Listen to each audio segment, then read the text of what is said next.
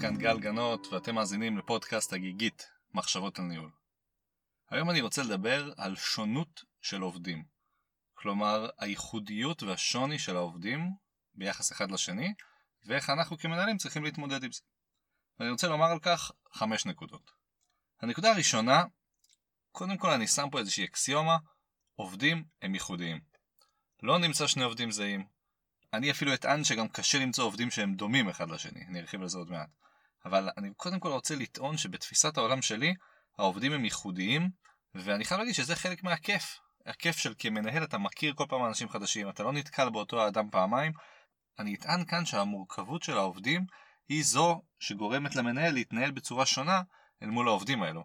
ולכן בעיניי, אני חושב שאנחנו צריכים קודם כל להסכים שכל עובד הוא אינדיבידואל, הוא איזשהו בן אדם שיש לו את האישיות שלו, שנובע מההיסטוריה שלו, והחינוך שהוא קיבל, והדרך שבה הוא גדל, ואני חושב שבסוף, קודם כל נקודת ההנחה היא שהעובדים הם ייחודיים.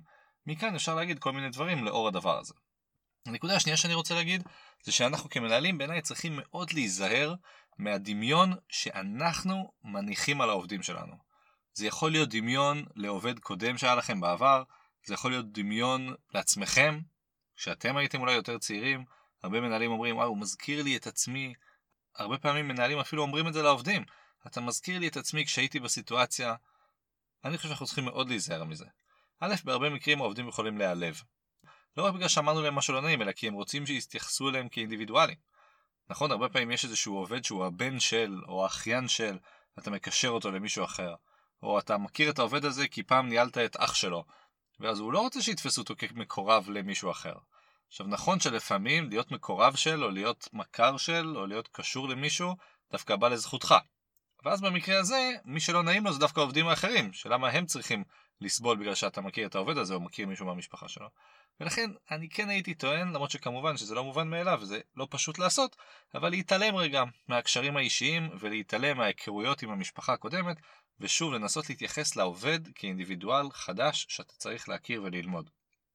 אני גם אומר בהקשר הזה שצריך להיזהר מזה שהוא מזכיר לך את עצמך, או שהיא מזכירה לך איזה עובדת אחרת שניהלת, כי הם לא אותו בן אדם. ואני חושב שהרבה פעמים הסובייקטיביות יתר הזאת שאנחנו יכולים לשים על העובד, תפגע בנו, ותייצר תיאום ציפיות לא נכון, ויכול להיות שאנחנו פשוט נהיה עיוורים לדברים מסוימים שהוא יעשה או לא יעשה, כי נשפוט אותו על פי בן אדם אחר. אם אני זוכר למשל שהאדם שהוא מזכיר לי היה מאוד אחראי, יכול להיות שאני אניח שהעובד הזה הוא אחראי, ואז אני אפספס שהוא עושה דברים בצורה לא אחראית. שגם לצד החיובי, יכול להיות שאני זוכר מישהו אחר כמישהו שהוא היה לא רציני מספיק, ודווקא העובד הזה הוא מאוד רציני, אז למה אני צריך להטיל עליו את המחשבות שיש לי בעבר? עכשיו נכון, זה מאוד קל להגיד את זה, והרבה יותר קשה ליישם את זה, אבל עדיין זו האידיליה מבחינתי, לנסות לכוון לכך שכל עובד הוא אינדיבידואל, ודווקא צריך להתייחס להיכרות המשפחתית, או לאיזשהו קשרים אחרים שאנחנו יכולים לשים על העובד הזה, גם אם הוא מזכיר לנו את עצמנו וגם אם הוא מזכיר לנו אנשים שאנחנו מכירים מהעבר.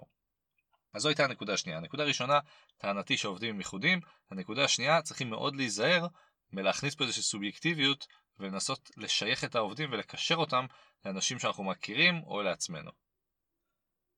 זהו, עכשיו, שני הדברים הבאים שאני רוצה להגיד זה מה עושים לאור השונות הזאת. אז דבר ראשון שאני אגיד זה שראוי שאנחנו נתאים את המשימות לעובדים. הרי אם כל עובד הוא אינדיבידואל, זה אומר שלכל עובד יש את היתרונות ואת החסרונות שלו. אני כמנהל צריך להכיר את היתרונות והחסרונות האלו, ולפי זה לתת לו משימות. עובד שלצורך העניין מאוד טוב בדברים אנליטיים, חבל שאני אתן לו דברים שהם לא אנליטיים להתעסק בהם. אם הוא הגיע עכשיו לעבודה שבה הרוב המוחלט של העבודה הוא לא אנליטי, אז יש לנו כאן בעיה, ואולי הוא לא מתאים. אבל אני כן אנסה להגיד שבסוף כמנהלים, אנחנו צריכים להתאים את המשימות לעובדים שלנו. ואם אין ברירה, אין ברירה, בסדר, כולם יקבלו את מה שהם צריכים, אבל כשיש ברירה, תמיד לנסות לכוון את העובדים למה שאנחנו חושבים שהם יכולים לעשות בצורה טובה. כוכבית אני שם כאן, יש את העניין של חוזקות וחולשות, לפעמים מנהל יכול לבחור לתת לעובד משהו שהוא לא טוב דווקא כדי שישפר אותו, אבל בעיניי זה גם בסדר, בהנחה שאתה מכיר את העובד ואתה יודע במודע שאתה נותן לו משהו שהוא לא טוב בו, כי אתה רוצה שהוא יתחזק בזה ועדיף שזה יהיה מתואם איתו, אחלה. אני שוב טוען כאן, אנחנו צריכים להתאים את המשימות, או אני אגיד את זה בצורה יותר מדויקת, אנחנו צריכים להתחשב ביכולות ובחולשות ובחוזקות של העובד, כשאנחנו נותנים לו את המשימות, ובעיקר בייחודיות שלו. מי העובד, ולאור מי העובד, מה המשימות שאני אתן לו. זה נכון גם דרך אגב לגבי המסלולי פיתוח שלו, לאיפה אני ארצה לקחת אותו. כי בסוף אני רוצה שהוא יתפתח לכיוונים שנראה לי הוא יכול להתאים בהם. ומישהו או מישהי שאני רואה שאין לו בכלל יכולות ניהול, כדאי שאני לא אקדם אותו להיות מנהל גדול, אוקיי? אז שוב אני אומר, אנחנו צריכים לאור הייחודיות הזאת להתאים את המשימות שאנחנו נותנים לעובדים. נקודה רביעית זה שלא צריך להתבייש מהשונות ביחס שלי כמנהל לעובדים לאור השונות והייחודיות שלהם. למה אני מתכוון? האם זה לגיטימי שעם עובד אחד אני אשב שלוש פעמים בחודש, ועם עובד אחד אני אשב פעם בחודש? הרי זה יכולים להגיד לי יש פה איפה ואיפה, למה אתה עושה ככה, למה אתה עושה ככה? אני טוען שזה לגיטימי, ושהיחס הייחודי צריך להיות בהלימה לייחודיות של העובד. ואם יש עובד שזקוק ליחס מאוד קפדני ולשיחות חוזרות ונשנות, כי זה הדרך להפעיל אותו בצורה הטובה ביותר, אז זה מה שהוא יקבל. ואם יש עובד שאני יודע שאני נותן לו משימה, הוא רץ עליה, ואם אני מדבר איתו אני רק מפריע לו, אז אחלה, אני אתנהל איתו בצורה שונה. כלומר, גם היחס שלי לעובד הוא ייחודי לאור התאמתי לייחודיות של העובד. אני צריך לראות איך העובד הזה גדל, התפתח, מה הניסיון שלו, במה הוא טוב, במה הוא לא טוב, ומה הייחודיות שלו, ולאור זה להחליט איך אני פועל כלפיו. האם אני נצמד אליו או לא? האם אני עושה לו micro-management או לא? עד כמה אני נותן לו לרוץ לבד? אוקיי? עד כמה הוא אחראי? שאני חושב שזה לגיטימי שבתוך אותו צוות אנחנו נתנהל שונה לעובדים אחרים לאור הייחודיות שלהם. נכון, זה יכול להעלות שאלות, זה יכול להעלות תהיות מצד העובדים, אני גם חושב שזה בסדר להסביר את זה. אם עובד יבוא אליי ויגיד לי, תשמע, למה איתו אתה יושב יותר ואיתי אתה יושב פחות, אני אגיד לו, אני הגעתי למסקנה שזה מה שאני צריך לעשות. לאור היכולות שלכם, לאור איך שאתם פועלים. אז אם אני רגע אעצור את מה שאמרתי עד כאן, אני אגיד שהדבר הראשון היה, קודם כל תפיסת עולם, עובדים הם ייחודיים. הנקודה השנייה, לאור הייחודיות הזאת, צריך להיזהר שלא להשליך על עובדים דברים שאנחנו מכירים מעובדים אחרים או מאנשים שמזכירים לנו אותם באיזשהו אופן.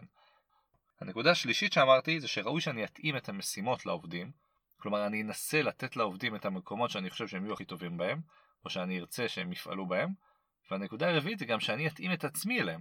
כלומר אני יכול לעשות שינויים בדרך שבה אני עובד מבחינה ניהולית אל מול העובד, כי אני חושב שזה הדבר שהכי נכון לו.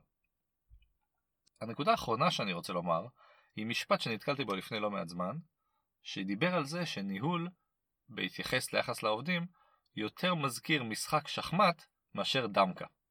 וזה דרך אגב אני מניח שמי שמכם משחק דמקה ומשחק שחמט מבין את זה, אבל אני אגיד בקצרה שבדמקה הכלים הם זהים, וכשאני רוצה להפעיל את הכלים זה לא כזה משנה אם אני פועל עם הכלי השמאלי או הימיני, בסוף כל הכלים פועלים באותה דרך. שחמט לעומת זאת הכלים שונים, והפרש והרץ מתנהלים בצורה שונה לחלוטין, והצריח מתנהל בצורה שונה לחלוטין מאשר החייל הרגלי. אז מי שמכיר את השחמט מבין מה דיברתי, מי שלא אולי זה היה קצת צינית, אבל הנקודה נראה לי צריכה להיות ברוכה. בסופו של דבר העובדים שלנו במקום העבודה ייחודיים והם פועלים בדרך אחרת. ומן הראוי שאני אפעיל אותם בדרך המתאימה להם ובדרך המתאימה לחברה, כמו שבמשחק שחמט אתה לא משחק עם כל שחקן באשר הוא, אלא אתה חושב איזה כלי אתה צריך להפעיל. ואני מאוד אהבתי את המשל הזה של ניהול מקצועי אל מול דמקה ושחמט, כי באמת אני חושב שהחיבור הזה והייחודיות של המנהלים לעובדים שלהם צריך לבוא לידי ביטוי גם בהפעלת הייחודיות של העובדים ואת זה אפשר לעשות רק אם אתה מכיר אותם טוב. זהו, אז אני אנסה לסגור את הפרק הזה כאן, אני אגיד שבסוף המטרה שלי הייתה להעביר את המסר שהעובדים הם ייחודיים ושיש שונות בין העובדים ושאנחנו צריכים להתייחס אליה גם בדרך שבה אנחנו פונים לעובד, גם בדרך שבה אנחנו עצמנו פועלים אל מול העובד, כלומר בשיטות הניהוליות שלנו, ואנחנו צריכים להיזהר גם ולא להשליך על העובד כל מיני מחשבות או רעיונות שיש לנו, כי הוא מזכיר לנו אנשים מסוימים שאנחנו יודעים שהוא מקורב אליהם, או שאפילו המצאנו את זה. זהו, עד כאן, אני מאחל לכם המון הצלחה בהפעלה של העובדים שלכם לאור הייחודיות שלהם, ובמילים אחרות, אני מציע לכם להשתפר במשחק השחמט הניהולי שלכם. זהו, אז תודה לכולם, גם הפעם, הערות, שאלות, מחשבות, כל דבר מוזמנים לפנות דרך האתר הגיגית.co.il או דרך דף הפייסבוק הגיגית מחשבות על ניהול. בנוסף, מי מכם שמתעניין בסדנאות או הרצאות יכול לראות פרטים על זה באתר ובקבוצת הפייסבוק. אז שוב תודה, ונתראה בפרקים הבאים.